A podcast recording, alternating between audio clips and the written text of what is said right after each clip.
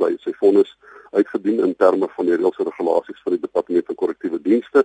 Hy kwalifiseer vir parol. Dit is jare na sy vonnisoplegging, maar Eugene de Kok bly een van die mees omstrede figure in 'n Suid-Afrikaanse samelewing wat steeds gebuk gaan onder 'n geskiedenis van verdrukking en onreg. Daarom verskil mense vurig wanneer die moontlikheid van parol vir de Kok geopper word. Kroukamp beskou dit as 'n toets vir die samelewing daar sal altyd mense wees wat daar teen is dat hy vrygelaat word, maar ek ek dink ons moet 'n beter mense is, dat 'n beter gemeenskap wees. Maar dit is makliker gesê as gedaan. De Kok het soveel vyande as wat hy ondersteuners het. Vir talle mense bly hy prime evil.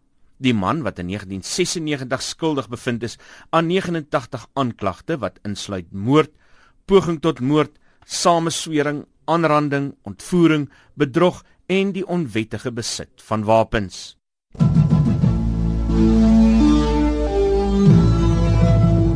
Goeienaand. Agt swart mans is in afsonderlike handgranaat en bomontploffings vanoggend in swart woongebiede aan die Oosrand dood. Minstens 7 is ernstig beseer. Ten minste 4 van die slagoffers was op pad om terreurdade te pleeg toe hulle deur hulle eie plofstof gedood is. More than 10 years later, the memory of Marquis Kosana's death has faded. But now, Blackmass assassin Joma Masela is talking. The students didn't blow themselves up by accident. It was a security police dirty tricks operation planned by amongst others Vlakplaas Commander Eugene Kock. Die aanklagte spruit uit die Kok se tyd as bevelvoerder van die berugte en wrede Vlakplaas eenheid, bekend as C1. Die lede van die eenheid het berug geword vir die ontvoering, marteling en moord van talle anti-apartheidse aktiviste. Heelwat mense glo dit is hier waar hy die naam Prime Evil gekry het. Die naam is inderwaarheid deur die joernalis Jacques Pau om de Kok se nek gehang. Pau het die naam by Ferdi Barnard, 'n voormalige vlakplaaslid, gekry tydens 'n onderhoud. Barnard het de Kok so beskryf na aanleiding van 'n karakter in 'n animasiereeks. So het die naam in samehang met sy wrede dade soos 'n albatros om de Kok se nek kom hang. Dit is in skerp teenstelling met die beeld wat van hom as 'n kind geskep word. Volgens de Kok se broer Fossie, ook 'n voormalige polisieman, was hy 'n kind met 'n sagte ingesteldheid. Quiet, love this music, love to play outside, walking on a farm, kind trails, wasn't a violent person. Fossie de Kok sê hy en Eugene is in baie opsigte die produkte van apartheid se indoktrinasie. The Soviet must be stopped in Southern Africa.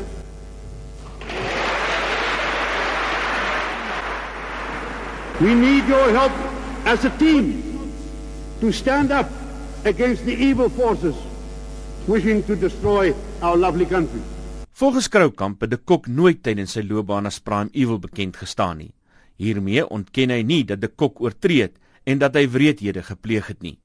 Maar Kroukamp sê de Kok sal graag die geleentheid wil kry om sy foute uit die verlede reg te stel.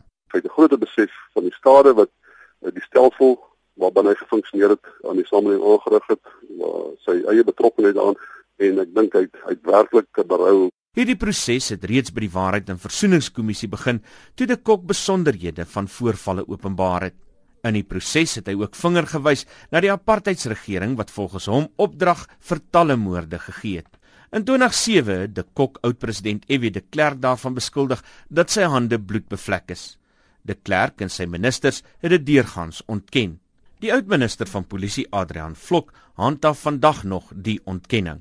Hy is dus in die gevangenis op die oomblik nie vir uh, misdade wat met 'n politieke motief gepleeg is nie, maar vir misdade wat met 'n kriminele motief gepleeg is.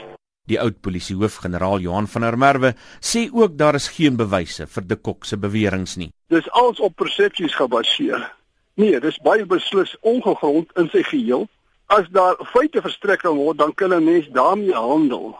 Maar Die politieke kommentator Max de Pre sê daar is geen twyfel dat die apartheidsregering se ministers opdrag gegee het vir die misdade waaraan de Kok skuldig bevind is nie. Ek hoop hy gaan die punt ook besadiglik maak as hy vrygelaat is om vir ons presies te laat verstaan hierdie ouetjies was nie net wille soldate en wille polisiemanne wat hierdie dinge op eie ouetjie gedoen het nie. Hulle was deel van die nasionale party se laaste twee regerings pogings om apartheid stand te hou. Volgens De Pre verdien De Kok om nou bevry te word van dit wat erg skeef geloop het onder 'n stelsel wat mense van hulle menswaardigheid gestroop het.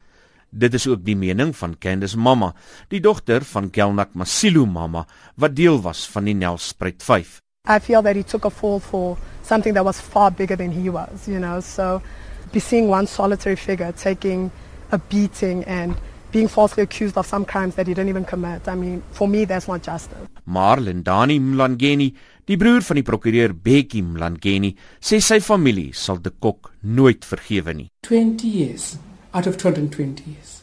What is that? Maybe we should have waited for us to go, to die, because we don't want to debate this issue. Die lot van Eugene de Kok is nou soos die van Clive Darby Loos en Ferdi Barnard in die hande van die minister van Justisie en Korrektiewe Dienste.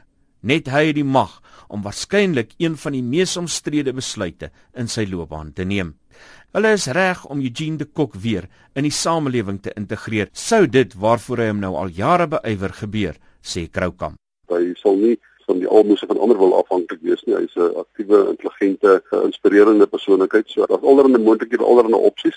Die meeste daarvan sal ek nou op geen wyse nou kan uitbrei nie. 'n Belangrike rede is die Eugene se veiligheid kom vir ons eerste.